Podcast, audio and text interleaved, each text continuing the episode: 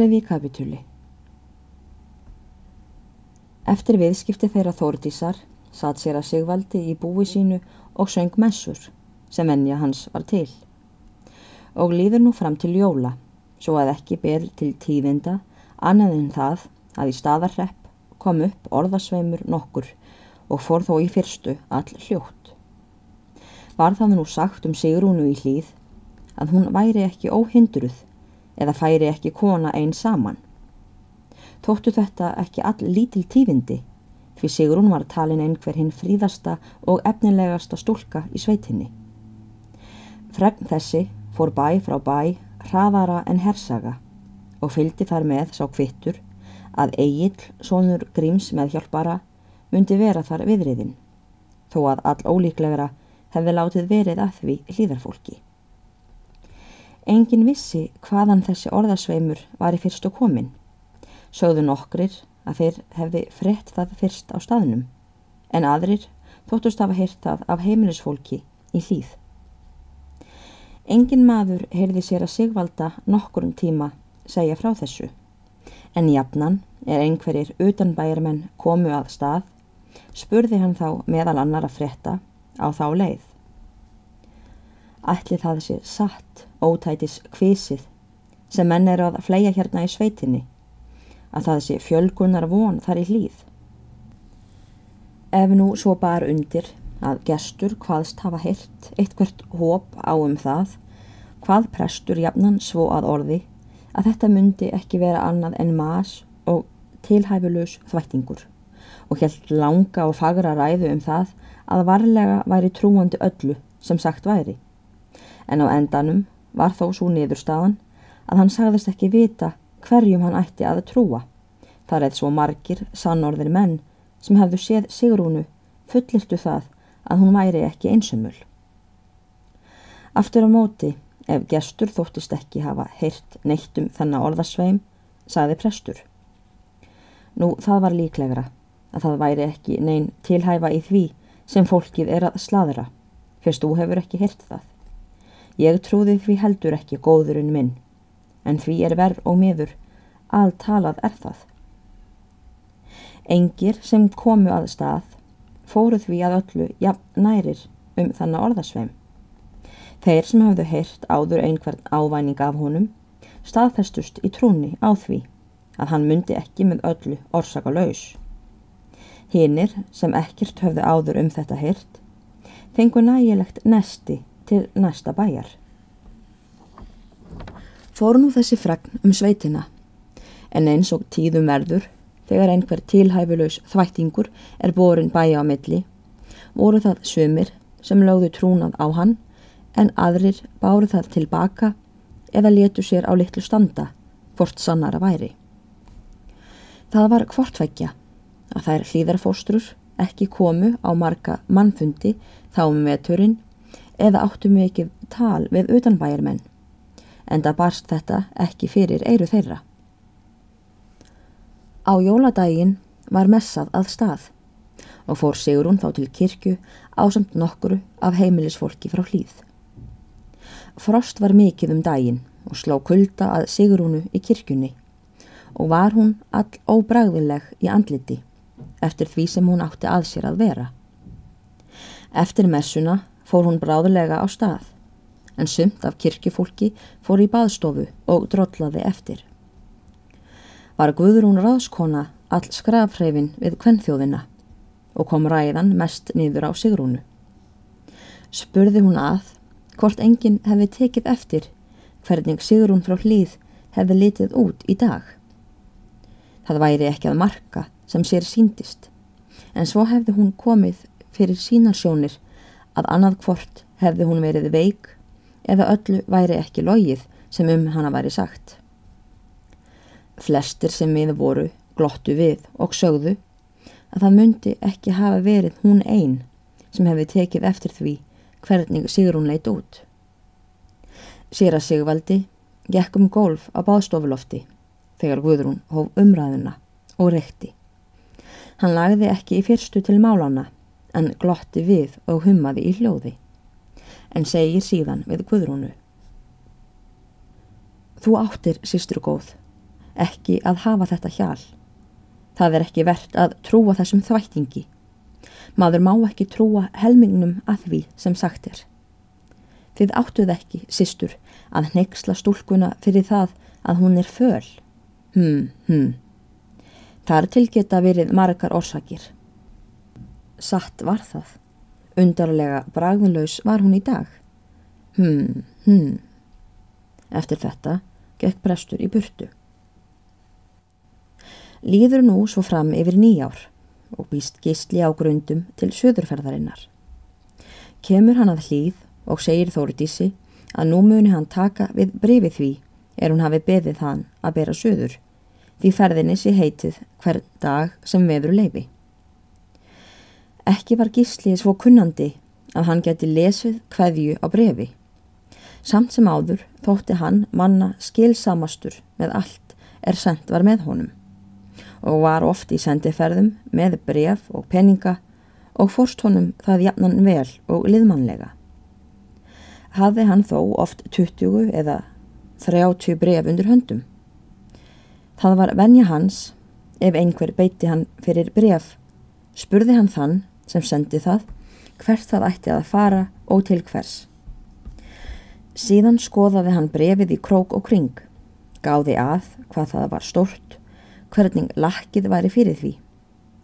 Lagði það síðan niður í skjóðu sína og sagði, það skal koma til skila.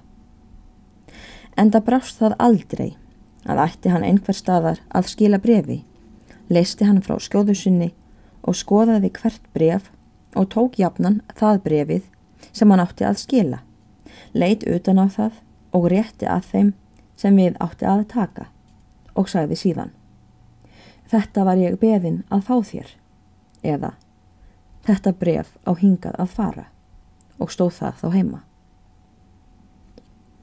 Hjeldu því allir sem ekki voru gísla því nákunnugri að hann var fljótskarpur og fluglæs en allir nákunnugir vissu að það var ekki heldur hitt að gísli var svo glöggur á kveðjur sem söðglöggvasti smali á kindur sem undir eins þekkir kindina af söðbragðinu og svipnum þó hann sjáu ekki eirun eða markið. Þórti skjörin og gísla góðan beina en síðan fær hún honum brefið og segir Hérna er nú brefið sem ég ætla að byggja þig fyrir gísli minn og ég ætla að byggja þig að láta fara vel um það Það er raunar ekkert í því sem allir mega ekki vita, en það er svo samt að ég vildi að það kæmist áfram með skilum gísli minn. Og því ætlaði ég ekki að senda það með öðrum en þér, því ég veit að það má byggja þig fyrir lítilræði. Og jæja, þórtis mín, það skal verða eitthvað til um það, en hvert á það nú sumsi að fara? Það á að fara til hans þórarins prestsmáks. Hann beiti mig um leitilræði í haust þegar hann kom hér. Þú kemur þar vist við. Og það hef ég ásett, þórdis mín. Það er rétt í leiðinni. Og svo þekki ég hann dálítið síðan hann var hérna í sveitinni.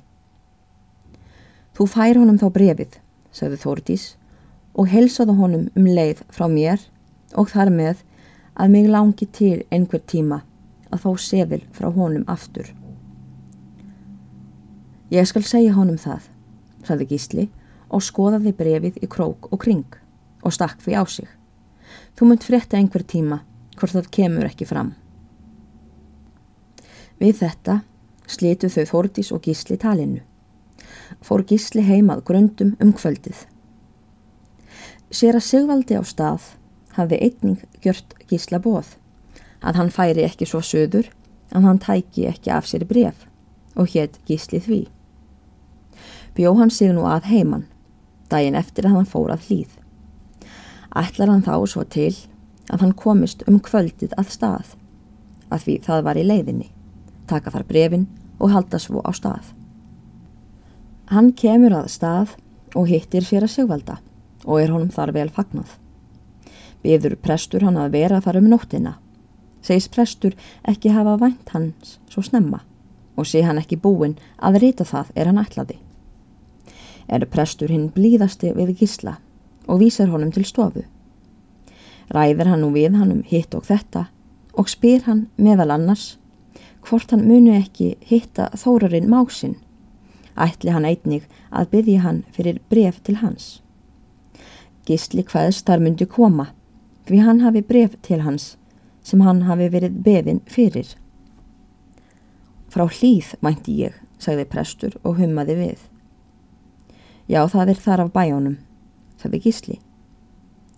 Já, hún gat þess við mig, hún þórtis mín, um daginn, að hún þyrti að skrifa honum þórarni mínum til og var búin að byggja mig að klóra það fyrir sig og láta sig vita ef ferð er þið söður. Ég þóru ekki annað en gjöru henni orði í fyrramálið. Þú staldra þá við svo lengi gísli minn fyrir mig. Ég held þess þurfi ekki, sagði gísli. Ég kom þar í gær. Og hún vissi af að þú ætlaðir söður, sagði prestur. Meir enn og margfaldlega, fyrir ég kom þar í gær og sagði henni að ég færi söður. Það er þó gott, sagði prestur og hún hefur líklega beðið þig fyrir brefið. Já, það á að vera einhver staðar brefimiði hjá mér frá henni, sem ég lofaði að koma áfram ef ég verð ekki svikari fyrir það. Prestur lest verða hardla gladur, það svo væri, svo að hann þyrti ekki að senda til þórtísar. Mundi hún hafa fengið einhvert annan til að skrifa fyrir sig. Spurði hann nú gísla frétta ár hlýð og hvernig þórtísín mætti hvaðist gísli ekki hafa orðið áskinni annars en hún var í heilbreyð og lísti prestur því yfir að sér væri stór gleði að heyra það. Þá spurði prestur hvort gísli hefði séð Sigrúnu fósturdóttur Þordísar. Ekki hvaðst gísli hana séð hafa. Prestur hummaði við og sagði Hún mun ekki láta sjá sig stúlkan. Þegar utan bærimenn koma þar, ef það er satt sem farið er, að kvisa um. Eða hefur þú ekki hirt það eins og aðrir gísli minn, að hún eigi ekki að vera ósjúk. Gísli hvaðist ekki bera á móti því að hann hefði hirt við fleikt, en aftur hefði þó sömur borið á móti því og heldi hann það orðum aukið. Áttu þeir nú tal um þetta um hríð, en svo laug þó samtali þeirra að gísli var orðin þess full trúa að svo myndi vera sem prestur sagði og alltalað var. Áreittaði sér að Sigvaldi með því að hann sagði Ekki er það fyrir það, gísli minn, að ég vilji koma því á loft. Mér þætti vætna um að það væri ósatt um hanna stúlkutetrið, en því mun nú vera verð á miður. Hm, hm. En nú ætla ég best fyrir mig að fara að skrifa það sem ég ætla. Þú munt vilja komast á stað tímanlega á morgun og viltu þá ekki setja þig inn í baðstofuna til hvernfólksins. En hafir þú eitthvað meðferðis, þá er þér best að láta það vera hér í nótt. Ég læsi hér stofunni og hér hefur engin umgöngur. Og ég hef nú ekki neitt meðferðis nema að póka snílinn minn, prestur minn, og er ekki annað í honum en skjóða með nokkrum brefum og svo næsti spiti. Því ég fer aldrei svo af heimilinu í þessar langferðir að ég hafi ekki ögn með mér. Því ef maður fer snemma á stað, þá er það ekki alls staðar að fólk hafi greiða tilbúin. En þar sem ég er ókendur á bæ, þá hef ég þann sið, hafi ég eitthvað meðferðis. Þá ber ég það með mér og sting því undir höfðalagið hjá mér. Því margur getur verið misjaflega vandaður. Þú vilt þá taka hann með þér, gísli minn? Hmm, hmm saði prestur og varð heldur svo sem styggur við. Og ekki hérna, prestur minn, hér þekki ég fólk. Þegar þér lofið honum að liggja hérna einhver staðar. Ég ætla þá að láta hann hérna í skotið hjá kistunni, saði gísli, og ítrekkaði prestur það að þar skildi engin við honum hreyfa. Fyldi síðan gísla til baðstofu og er hann þar um nóttina í góðu yfirlæti en prestur skrifur um kvöldið í stofu og tekur gísli við brefunum um morgunin og heldur á stað.